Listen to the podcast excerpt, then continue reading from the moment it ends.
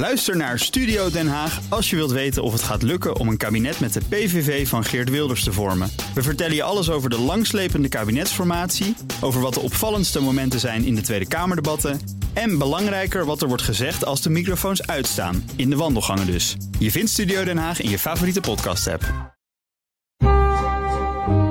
De Perestroikast. Een blik op Oost-Europa.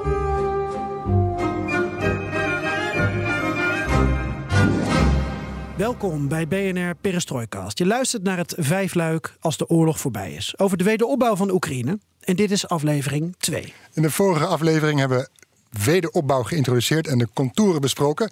Wat is er anders aan korte termijnhulp dan aan lange termijnhulp? En is lange termijnhulp ook gelijk aan wederopbouw? En in deze aflevering gaan we kijken naar de coördinatie van het herstel van Oekraïne en eventueel van die wederopbouw. Wie neemt het voortouw? Hoe gaat dit financieel geregeld worden? Wie wordt de penningmeester van Oekraïne? En welke voorbeelden uit het verleden kunnen wellicht als een les dienen voor Oekraïne in de toekomst? Ja, onze gasten die ons hierbij gaan helpen en ons wegwijzen maken in deze materie. Uh, Matt Steinglas van The Economist, ondernemer Jeroen Ketting en Jurgen Richterink. Hij is vicepresident van de EBRD. En met hem, uh, Jurgen, trappen we deze aflevering af.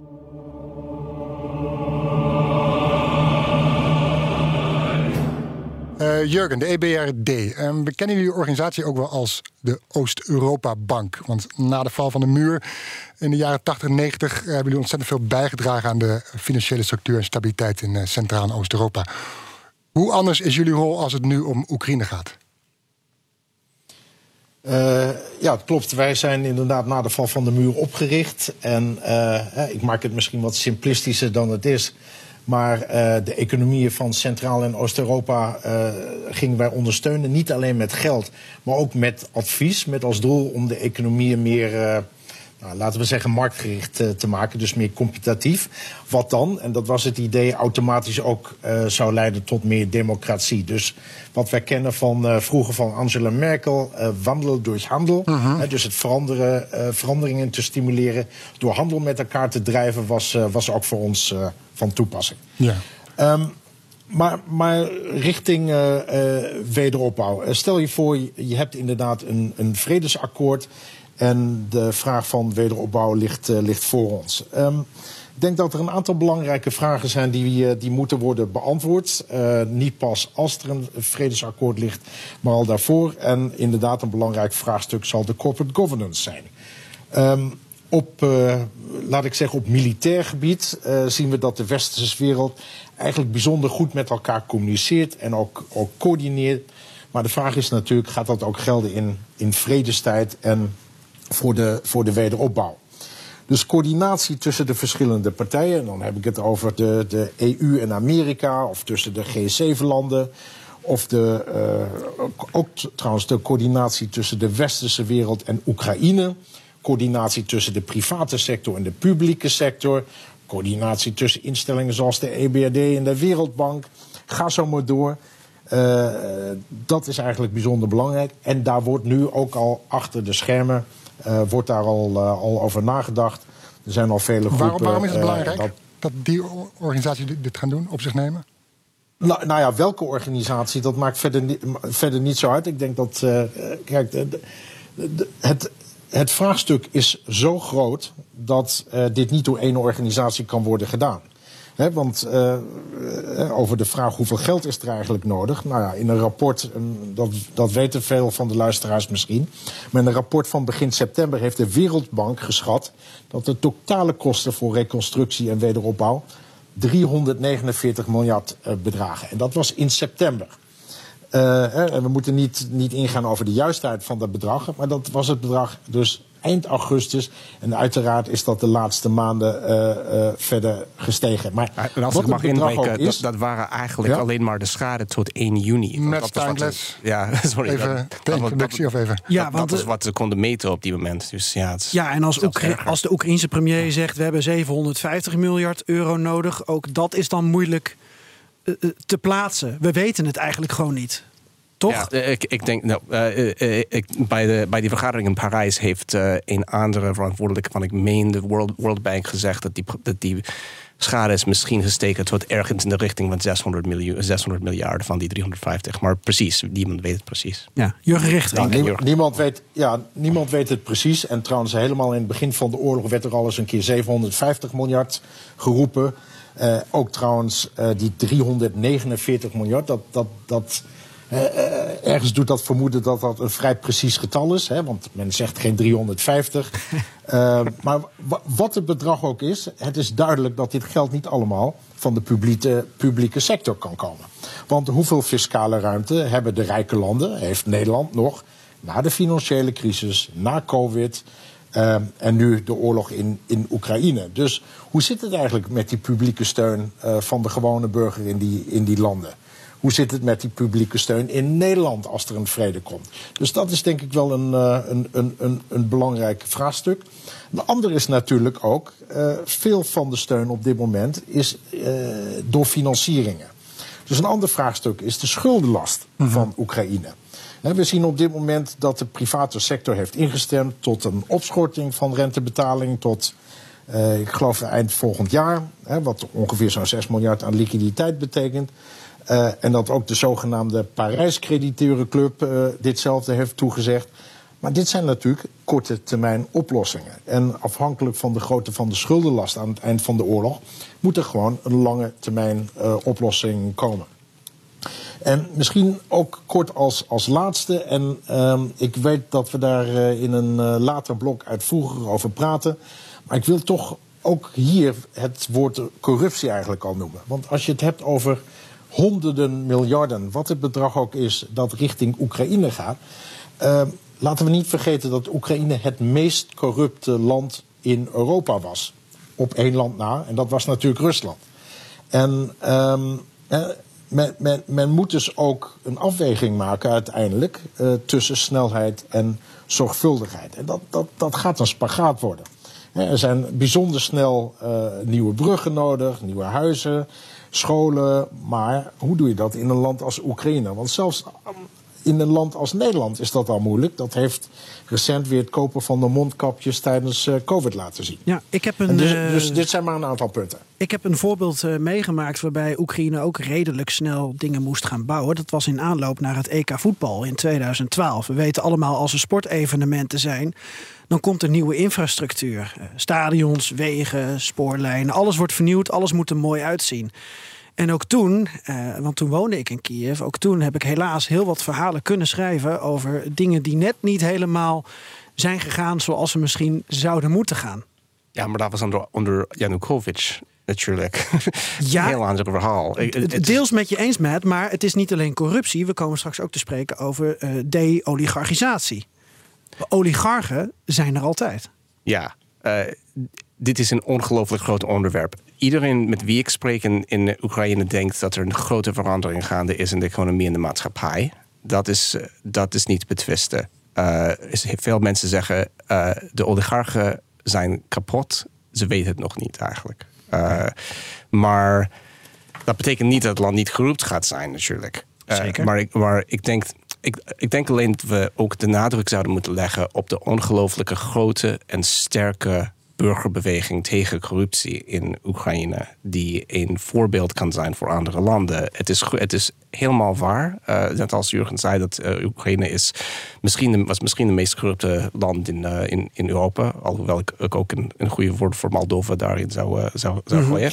maar, um, dat, maar er is ook heel veel opgebouwd. En de revolutie die plaatsgevonden in, uh, die plaats heeft gevonden in 2014 was voornamelijk een revolutie tegen corruptie. Ja. Uh, de... mag, mag, ik daar kort ook even uh, wat aan toevoegen? want je hebt het over de euro, Euromaidan. Um, het is inderdaad zo dat sinds de nieuwe president, sinds president Zelensky aan de macht is, wij ook. Hè, ik heb jullie net verteld dat wij niet alleen dingen financieren, maar ook advies geven. Daaronder zijn veel projecten aan de corporate governance uh, kant.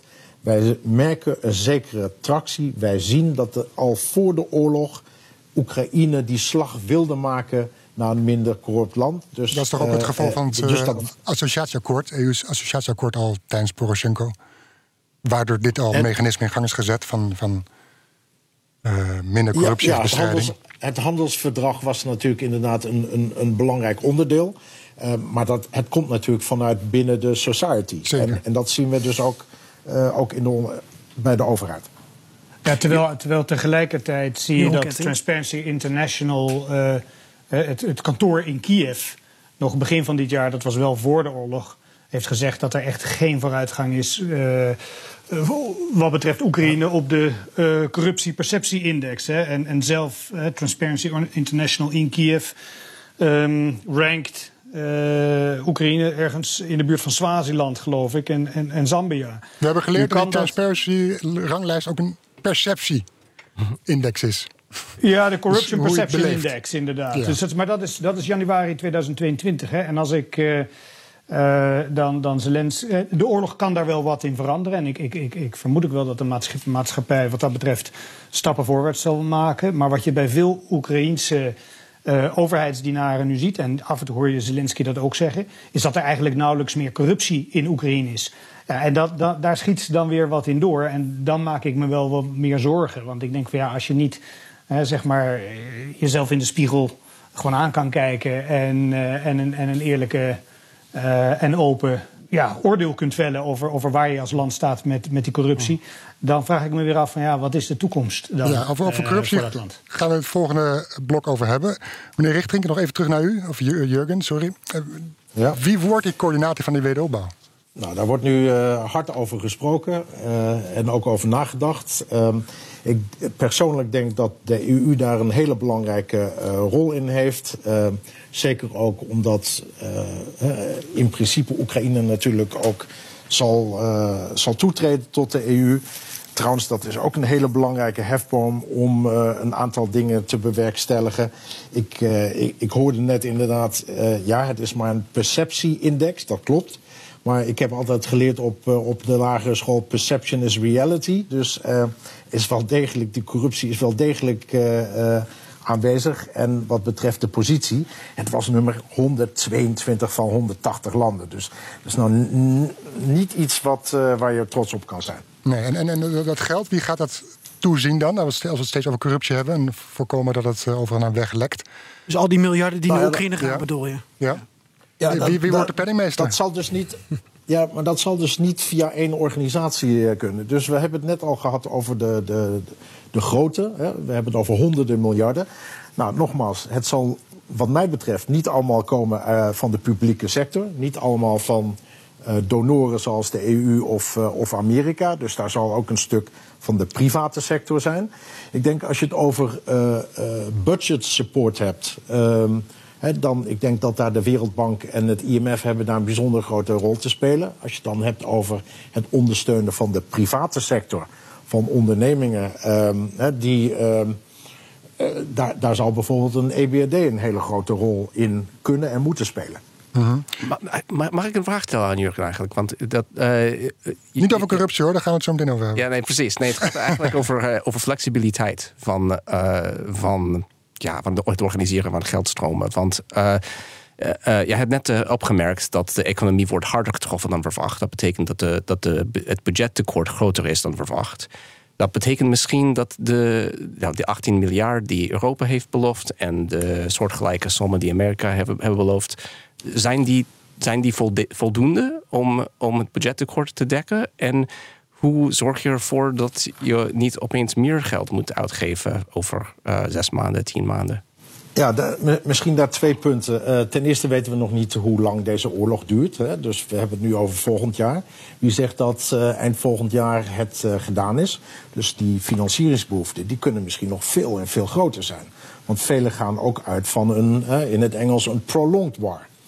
Uh, dan, dan heb je het ook nog over. Uh, uh, verschillende landen hebben verschillende manieren om geld te geven. Als je kijkt naar Amerika of Noorwegen, zijn dat vooral giften geweest. Hè? Een echte donor, dus verwacht niet dat dat geld terugkomt. De EU op dit moment heeft nog officieel heeft het nog veel over financieringen. En over financieringen, daar ga je natuurlijk vanuit dat een lening uiteindelijk terugkomt. Ik weet dat het op dit moment uh, gebeurt met bijzonder goede condities. Maar ook daar uiteindelijk, afhankelijk van hoe groot die schuldenlast is en wanneer die oorlog ophoudt, zal er een, uh, een, een ja, men zou tot een, een schuldenakkoord moeten komen. Uh, Geert-Jan, je hebt die conferenties afgelopen uh, in 2000. Uh, je hebt conferenties gevolgd. Afgelopen maanden, ja, een aantal. over het verleden, over, het over de wederopbouw van Oekraïne. Kun je, kun je voorbeelden noemen van eerdere wederopbouw van wie daarin nam het voortouw? Nou, ik denk dat op de conferentie in Parijs uh, daar stappen bij zijn gezet. Maar met name ook bij de G7-top die uh, in diezelfde periode plaatsvond. Dus medio december hebben we het over. Het lijkt erop dat de G7 en het IMF, Internationaal Monetair Fonds, het voortouw gaan nemen in die financiële coördinatie van de Oekraïne. dat was althans de indruk die in een statement van de G7 werd geschetst en ook werd bevestigd in Parijs. En natuurlijk heb je dan nog steeds een rol voor de EBRD. je hebt een Europese investeringsbank. Je hebt ook de Europese Commissie natuurlijk, Europese Unie. Um, maar misschien kan meneer Richtering aangeven, Jurgen Richtering aangeven, of dit de juiste waarneming is. Dat de G7 en het IMF een soort kar willen trekken. Nou, is interessant dat ik toch steeds weer meneer Richting wordt genoemd. Dus uh, ja. dat, dat ja, niet iedereen goed. is vicepresident. um, Kijk, bij al die conferenties in Berlijn of gisteren in Parijs of waar dan ook, uh, wij zitten altijd aan tafel. Dus um, wij horen er niet. Wij, wij, wij zijn een van de partijen die ook een, een, een mening hebben. En ik denk dat het iets genuanceerder ligt dan de G7 en het IMF.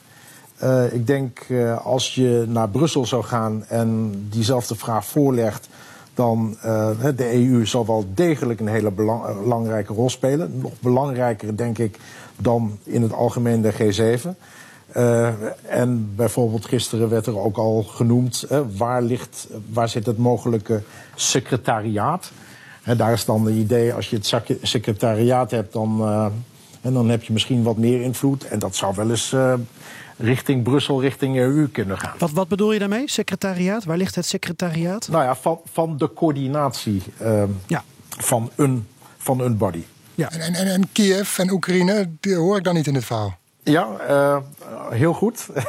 Want uh, er zullen dus twee coördinerende secretariaat komen. Dus eentje in de EU. En uh, op dit moment is dat zo. Hè. Dat kan natuurlijk nog veranderen. Maar de andere richting in, in Oekraïne. En dat zien we nu eigenlijk al in Oekraïne. Zien we daar eigenlijk al dat er meer noodzaak is tot, tot coördinatie. Als wij dus spreken met, met een, een burgemeester van een stad. En die zegt, nou ja, voor ons is het erg belangrijk dat de watervoorziening wordt hersteld of de elektriciteit of wat dan ook. Uh, maar zo kunnen natuurlijk vele burgemeesters dat zeggen. Dus wij uh, zien al steeds meer coördinatie richting de centrale overheid, dus president Zelensky. Want die kan natuurlijk veel beter inschatten wat is de globale prioriteit binnen het hele land. En niet per se voor een, voor een stad. Uh-huh. Wederom heel veel vragen. Wederom heel veel vragen die ik heb naar aanleiding uh, van ook deze uh, laatste opmerking. Omdat we het ook nog gaan hebben over uh, decentralisatie bijvoorbeeld in Oekraïne. Wie heeft de macht? Wie kan wat beheren? maar het tweede deel van dit vijfluik ronden we bij deze af, Floris. Zeker. In het derde deel van dit vijfluik gaan we om met hardnekkige thema's. We hebben het al besproken zo even, al een tipje van de sluier opgelift. corruptie en oligarchen, bekende spoken van Oekraïne. Aito. Oké.